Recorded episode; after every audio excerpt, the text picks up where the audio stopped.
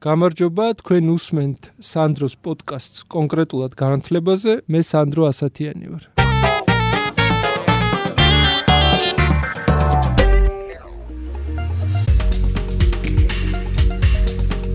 პროცესი, რომელიც დღეს ვითარდება, ძალიან საინტერესოა, იმიტომ რომ ფაქტიურად განათლებაში იშლება საზღვრები.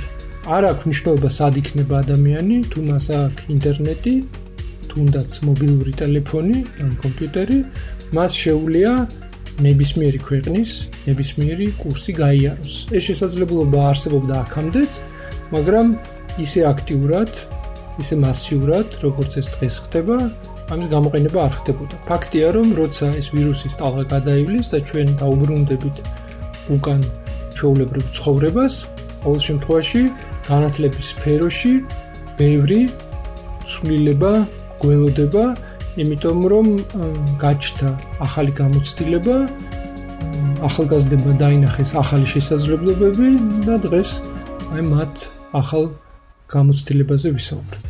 მე მოწვეული მყავს ილიონის სტუდენტები, რომლებსაც ერთი მხრივ მოუწიათ ილიონის კურსების გავლა დისტანციურად, მაგრამ ამის გარდა კიდევ ასე ვთქვათ, დამატებითი შესაძლებლობით ისარგებლეს და ილიონში არსებული ტექნოლოგიების ლაბორატორიის უნილაბის კურსებიც გაიარეს და ჩემი სტუმრები არიან მარი მიხანაშვილი, ქეთი ფილიშვილი, მარი კომახიძე, კარლო თევზაძე. და აი თქვენ მინდა გითხოთ, როგორია თქვენი შტაბიშტილება, ესეთი შემთხვევა არა მარტო თქვენთვის, არამედ ბევრი ახალგაზრდისთვის პირველად მოხდა ცხოვრებაში, რომ აი ესე თელი სემესტრი მოგიწიათ დისტანციურად გავლა და თქვენ სხვებისგან განსხვავებით კიდევ დამატებით რაღაცა დისტანციური კურსები ვიც აიღეთ ხო ამ შესაძლებლობით ისარგებლეთ და აი პირველი სტაბილიზება როგორია თქვენი ამ დისტანციურ კურსებთან დაკავშირებით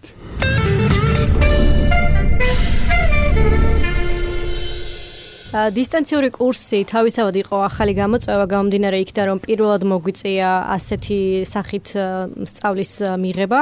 თუმცა მე პირადად როგორც ორი კურსი გავიარე როგორც მაგალითად უნილაბის კურსი და ილიონის კურსი განსხვავება მათ შორის იყო თავისთავად ნათელი იმიტომ რომ მაგალითად ინფორმაციული ტექნოლოგიების კუთხით უფრო მარტივი იყო ონლაინ კურსის გავლა რადგან ტექნოლოგიებთან მქონდა შეხება და შედარებით უფრო მარტივი იყო, თუმცა როდესაც მაგალითად ილიონის კურს გავდიოდი, იმ შემთხვევაში შედარებით რთული იყო. გამომდინარე იქიდან რომ უფრო მეტი ჯგუფური აქტივობები იყო, უფრო მეტი კვლევითი აქტივობები იყო და შედარებით რთული იყო ამის გავლა.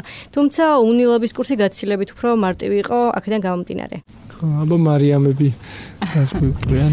ჩემთვის იყო დამამთავრებელი სემესტრი, გასული სემესტრი და ცოტა მაგ შემთხვევაში გამიადულდა ამის გამო, იმიტომ რომ უკვე კურსელებსაც ვიცნობდი ლექტორებთანაც დიდი ხნის განმავლობაში მქონდა შეხება და ეს რაღაც არ ყოფილიყო დიდი პრობლემა.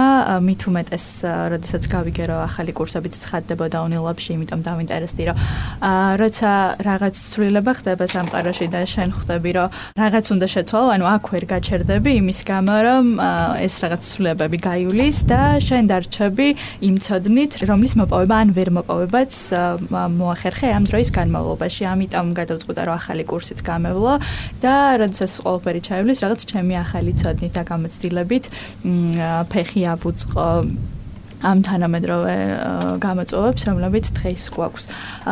რა თქმა უნდა, ბევრი დადებითი მხარე ჰქონდა ამ დისტანციურ სწავლებას, როგორც არის დროის დაზოგვა და არ ვიცი, რაღაც სხვა საქმეებთან და სამსახურთან შეთავსება, თუმცა იქიდან გამომდინარე, რომ ეს იყო ჩვენთვის საწყისი ეტაპი, ლექტორებსაც ნაკლებად ჰქონდათ შეხება, კომუნიკაციები არიცოდნენ, როგორ უნდა წარემართათ კარგად და სკოლის ბავშვებსაც უფრო მეტად გაუჭirdათ.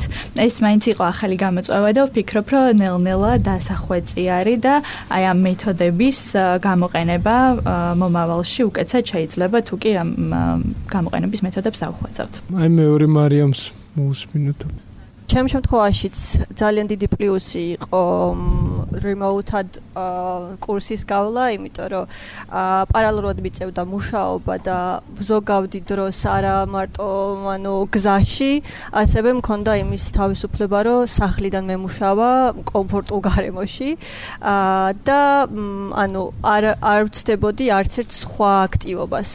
ამასთანავე გავიარე სტაჟირებაც უნილაბში და ანუ ფიქრობ რომ ბევრად უფრო გამიჭirdებოდა უნილაბში სტაჟირების გავლა თუ მომიწევდა ადგილზე მისვლა და ამ შემთხვევაში მქონდა იმის კომფორტი რომ სადაც ვიყავი იქიდან ჩავრთოდი სამუშაო პროცესს და ანუ არ გამოკლებოდი არც ერთ აქტივობას რაც უნილაბმა გააკეთა სტაჟირების პერიოდში. აბა კარლოს. პირველ რიგში მადლობა სანდრა მოწვევისთვის და მე ვსალმებ შენს მენელს აა ამ ჩარტოში ამ პროექტ ჩარტოში იმიტომ დავთანხმდა მოვედი რომ ფიქრობ რომ ისტორიის ძალიან მნიშვნელოვანი ნაწილში ვართ იმიტომ რომ გვიწევს გადაწყვეტილების მიღება გავაგრძელოთ თუ არა დისტანციურად სწავლება და რა დოზით გავაგრძელოთ და თუ ჩემი სიტყვები რაღაც წილ შეიტანს ამის გაგრძელებაში ძალიან ბედნიერი ვიქნები.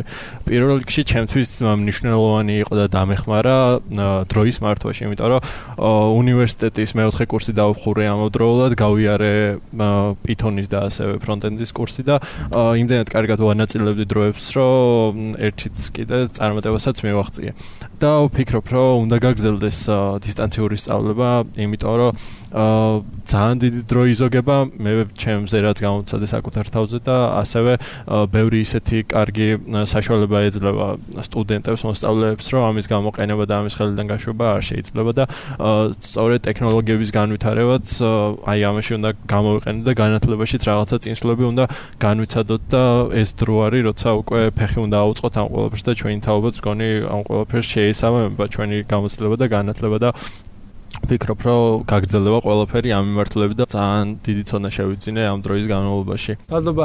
ჩემი თვალსაზრისით ხო მომავალშიც თუ შესაძლებლობა ექნება სტუდენტს აირჩიოს თქვა დისტანციურად გაივლის თუ პირისპირ ლექციებს ეს იქნება ძალიან კარგი იმიტომ რომ ის ადამიანები რომლებიც რეგიონში ცხოვრობენ ხო არ მოუწევთ თქვა თბილისში წამოსვლა და კიდევ უფრო მნიშვნელოვანია ის რომ ცოდნას რომელსაც ისინი მიიღებენ შეეცდებიან რომ სადაც ცხოვრობენ სადაც არიან ხო იქვე გამოიყენონ ეს ცოდნა. აი დღეს როცა ბევრია საუბარი სტარტაპებზე და ასე შემდეგ ხო ანუ ყველა ცდილობს რომ ეს თავისი სტარტაპი ასე ვთქვათ თბილისში ააწყოს ხო და რაღაც ქალაქთან დააკავშიროს ძირითადად მაგრამ თუ კი ადამიანი იქნება თავის რეგიონში იქიდან ისწავლის ის ახალ შესაძლებლობებს იპოვის ისევ იმ ადგილას სადაც ცხოვრობს ხო იმიტომ რომ ყოველდღიურობაში იქ მოუწევს ასე ვთქვათ შეხება ხა თქვენ ახსენეთ რამოდენიმე რომ აი მუშაობის პარალელურად მოგიწიათ ვთქვათ ამის გავლა ანუ ესე იგი შესაბამისად გამოდის რომ სწავლასთან ერთად სამსახურის დისტანციური იყო, ხო? რამდენად რთული არის აი ეს დღისგან რიგის მართვა თქვენთვის, როცა ყველაფერი ერთ სივრცეში ხდება, თქვა სწავლა სამსახურიც და ასე შემდეგ. ჩემთვის პირადად პლუსი იყო იმ ხრივ, რომ არ მიწევდა ორ სხვადასხვა ადგილას ყოფნა ერთდროულად. არ მჭirdებოდა რაღაც დროს განაწილება, მაგრამ ერთი მინუსი იყო ის, რომ მაგალითად ვერ საზღვრავდი, როდის უნდა დასრულდეს სამუშაო და სასწავლი დრო და ანუ დღის უდიდეს ნაწილს ვატარებდი კომპიუტერთან რაღაც დიზაინის გაკეთებაში. აა მაგრამ თვლი რომ ჩემთვის პირადად ეს მინუსი არც არის, იმიტომ რომ ამ ეტაპზე ვარ ორიენტირებული პროფესიულ განვითარებაზე და აქედან გამომდინარე არ მგონია რომ როგორც ესეთი დისკომფორტთან შეიძლება იყოს ასოცირებული, მაგრამ როცა ადამიანს უნდა გარეთ გასვლა, თქვა სიტყვაზე, მაინც მოახერხებს რაღაც დროს თავისი თავისთვის რომ გამოყოს, მაგრამ თუ სურვილი გაქვს რომ იმუშაო და საქმე აკეთო, მგონი მაინც არ იქნება როგორც ესეთი მინუსად აღქმული დისტანციური სწავლების შემთხვევა. ანუ რაღაც სკილი არის რაღაც დონეზე, ანუ მე მგონია რომ მომავალში ისწავლი როგორ უნდა მოახერხო დროის განაწილება შენი თავისთვისაც და პროფესიის მხრივაც და ანუ ვიცნობ ადამიანებს რომლებიც ფრილენსერად მუშაობენ და ანუ ამის პრობლემა აღარ ექნებათ. ანუ ცოტა რთული არის თავიდან რომ ისწავლო მაგრამ ნელ-ნელა ეჩვევი და ხვდები რომ ანუ სად უნდა დამთავრდეს სამუშაო პერიოდი. ანუ შეგვიძლია ესე ვთქვათ, რომ აი ამ მოულოდნელმა სიტუაციამ გვაიძულა, რომ ახალი უნარები შევიძინოთ და როცა, რა ვიცი, როდესღაც იქნება და დაუბრუნდებით ჩვეულებრივ ცხოვრებას, ჩვენ გვექნება რაღაც ახალი უნარები, რომლის საშუალებითაც რაღაცებს სხვანაირად გავაკეთებთ. თავისთავად უნდა ავუწყოთ ხელი ახალ სამყაროს ესე რა ვთქვათ. როგორც ჩანს, მომავალში ქართულ უნივერსიტეტებს უკვე ერთმანეთთან კი არ მოუწევთ კონკურენცია, არამედ თვითონ სოფლიოსთან, იმიტომ რომ ბავშვები, რომლებიც დღეს დისტანციურად სწავლობენ სკოლაში, სტუდენტები, რომლებიც დისტანციურად სწავლობენ უნივერსიტეტებში, ხო? ანუ დაინახეს ეს შესაძლებლობა, რომ თუ კი მე რაღაცა კურსის გავლა მინდა, შემიძლია სრულად უცხოეთში გავიარო კურსი, იმიტომ რომ დისტანციური შემთხვევაში არანაირი საზღვრები აღარ მაქვს. ჩემი აზრით ძალიან კარგი შესაძლებლობაა არა მარტო ჩვენთვის, არამედ მთელი სოფლიოსთვის და უკვე არის პრეცედენტები. იმისა, აი მაგალითად კერძო სკოლებში, როდესაც კანადიდან გადის ვიღაც ანუ მოსწავლე ჩვენთან ერთ-ერთ სკოლაში აუჩვეულებრივ მოსწავლეთ არის დარეგისტრირებული და მისთვის როგორც ჩემი მეგობრის გამოცი ძალიან პრაქტიკულია და ახერხებს დროის მართვას და როცა ამას უკვე სკოლიდანვე ეჩვევი ძალიან კარგია და შემდეგ მომავალში გადგება და ამავდროულად ჩვენ მეტი შესაძლებლობა მოგვეცემა დავსაქმდეთ უცხოეთის ბაზარზე და ქვეყანასაც განვითარებაში დაეხმარება და რაღაც კუთხით ლიბერალიზაციას და გლობალიზაციას ხელი ეწყობა ამით და მე მე რა ძალიან მომწონს და ვფიქრობ ასეც უნდა გაგრძელდეს ეს ყველაფერი. მე ძალიან მომწონს და ტაშ უკრავ ამ ყველაფერს. ძალიან საინტერესო თემა შეეხე კარლო რომ ადამიანი რა გარემოში სწავლობ მე მზად ხარ იმ გარემოში იმუშაო ხო? და შესაბამისად თუ ადამიანი მზად არის დისტანციურად მუშაობისთვის აქაც როგორც განათლების შემთხვევაში საზღურები უკვე აღარ არსებობს ხო? ანუ შენ შეგიძლია რა ვიცი უცხოეთში დასაქმდეს სულაც და უცხოეთში იმუშაო და აქვე ჩვენ სანამ დაიწყებოდა ეს ჩაწერა აი კარლო შეყვებოდი ამ რაღაცა დაჩქარებით მოსმენაზე ლექციები. სხვა კიდე ერთი ბენეფიტი და ამაზეც ორი სიტყვა რომ ვიგვით აა დილით ჩემი საქმე მქონდა ბიზნესი მაქვს და ვაგვარებდი ურთიერთობებს ჩემ საქმეში და საღამოს უკვე როდესაც მრჩებოდა 4 საათი სამი კურსის მოსაცმენა და რეალურად იყო 5 საათიანი ჩანაწერი უნდა მომესმინა რაღაცა 4 საათში და დროც უნდა დამრჩეონ და ჩემთვის და ძალიან დიდი პლუსი იყო რომ შემეძლო ამიჩქარებინა 1 და 75-ზე და ძალიან მალე გამევლო ეს ყველაფერი. თან თუ ნელ-ნელა მიეჩვევი ამ ყველაფერს ორზე შეგიძლია ხვიდე და ძალიან დიდი პლუსია და ნუ რაღაცა გარემოსთან ადაპტირება ხდება და დაბატებითი პლუსების ასე თქვა მოძიება. ვფიქრობ ძალიან დიდი პლუსია ის რომ როცა ეს დისტანციურად ხდება ძირითადად ჩაწერა ხდება ამისი და ანუ პრაქტიკულად კონსპექტი აღარ გჭირდება ხო? შენ გაქვს ვიდეო კონსპექტი და რაღაცა საკითხი რომელიც სადაც გინდა დაუბრუნდე ნებისმიერ დროს შეგილია რაც გადაახვიო ნელა მოусმინო კიდე ერთხელ მოусმინო და ასე შემდეგ. ანუ შენზე არის მორგებული უკვე. ერთადერთი პრობლემა ახლა რაც ჩვენ რასაც ჩვენ ხედავთ არის ის რომ სადაც საჭიროა პრაქტიკები და თვითონ ფიზიკურ გარემოში სტუდენტების ჩართვა აი მომავალში ჩემი აზრით უკვე შესაძლებელი იქნება მაგის რაღაცა სიმულირებული რაღაც პროგრამები შექმნა ისეთის რომ უკვე მაგისთვისაც აღარ დაჭირდება სტუდენტებს გასვლა სახლიდან და სავარაუდოდ სწავლის სისტემა მთლიანად გადავა სახლებში და ვფიქრობ ახლა იმიტომ უნდა დავიწყოთ რომ რაც შეიძლება მალე მივიდეთ მაგ ეტაპამდე და დაიწყონ უკვე კომპანიებმა და პროგრამისტებმა და მსგავსმა რო ხელი შეუწყოთ და სწორედ აი ეს მიმართულებები გახდეს უფრო პერსპექტიული. როგორც ყველაფერში რაღაცა ბალანსი არის მოსაძებნი, იმიტომ რომ ადამიანები მაინც სოციალური ცხოველები ვართ და გვჭირდება ერთმანეთთან ურთიერთობა. აი მე მაგას ესე წარმომიდგენია რომ უნივერსიტეტში თუ გაჩნდება საერთო სამუშაო სივრცეები, რომ აი თუ შეუულია დისტანციურად ისწავლოს და მაშინ როცა მას დრო აქვს და ჭირდება რომ ასე პრაქტიკა გაიაროს ხო და თქვა გვერდზე კიდე სხვა სტუდენტიზის იმას რაღაცა კითხოს ხო აი ეს ალბათ ძალიან მოსახერხებელი იქნება რომ კურს გადიხარ დისტანციურად და შენ გაქვს შესაძლებლობა რომ ხა შეიძლება რაღაცა სახში არა გაქვს ისეთი კომპიუტერი არა გაქვს ან ის მოწყობილობა არა გაქვს რომელიც გჭირდება ან თქვა ბიბლიოთეკა თქვა ელექტრონულ ბიბლიოთეკაში არ არის წიგნები და ასე. შემდეგ ანუ სტუდენტებს სტუდენტებს უნივერსიტეტებმა შესთავაზონ მეტი სამუშაო სივრცე. და თქვათ ეს იყოს ადგილი სადაც შეუულიათ სტუდენტებს იმუშაონ და თქვათ უშუალოდ სოდნის მიღება კი სტუდენტმა თვითონ აიჩიოს რომელ გარემოში ასე თქვათ მიიღებს ამას.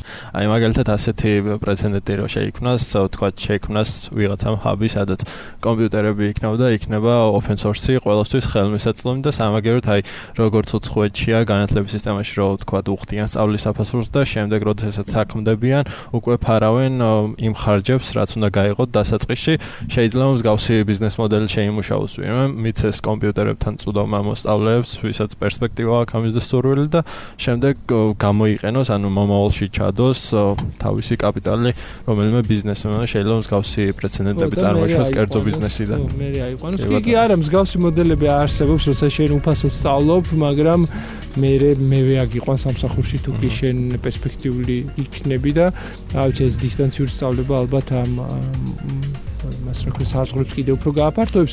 აი რაღაცა დასკვნის სახით ვიტყვი იმას და ალბათ დამეთანხმებით, რომ თქვენ შეიძინეთ ახალი უნარები, გაქვთ უკვე განსხვავებული ხედვა და შესაბამისად მოთხოვნები გექნებათ, რომ აი ეს პლუსები რაც დაინახეთ, ის პლუსები არ დაიკარგოს, ხო?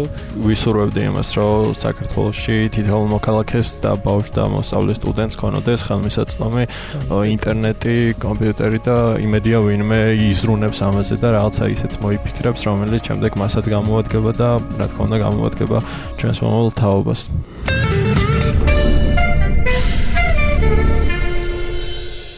მადლობა სიგ ჩვენი სტუმრები იყვნენ მარი მიხანაშვილი, კეთი ფილიშვილი, მარი კომახიძე და კარლო თევზაც. მადლობა. მადლობა თქვენ.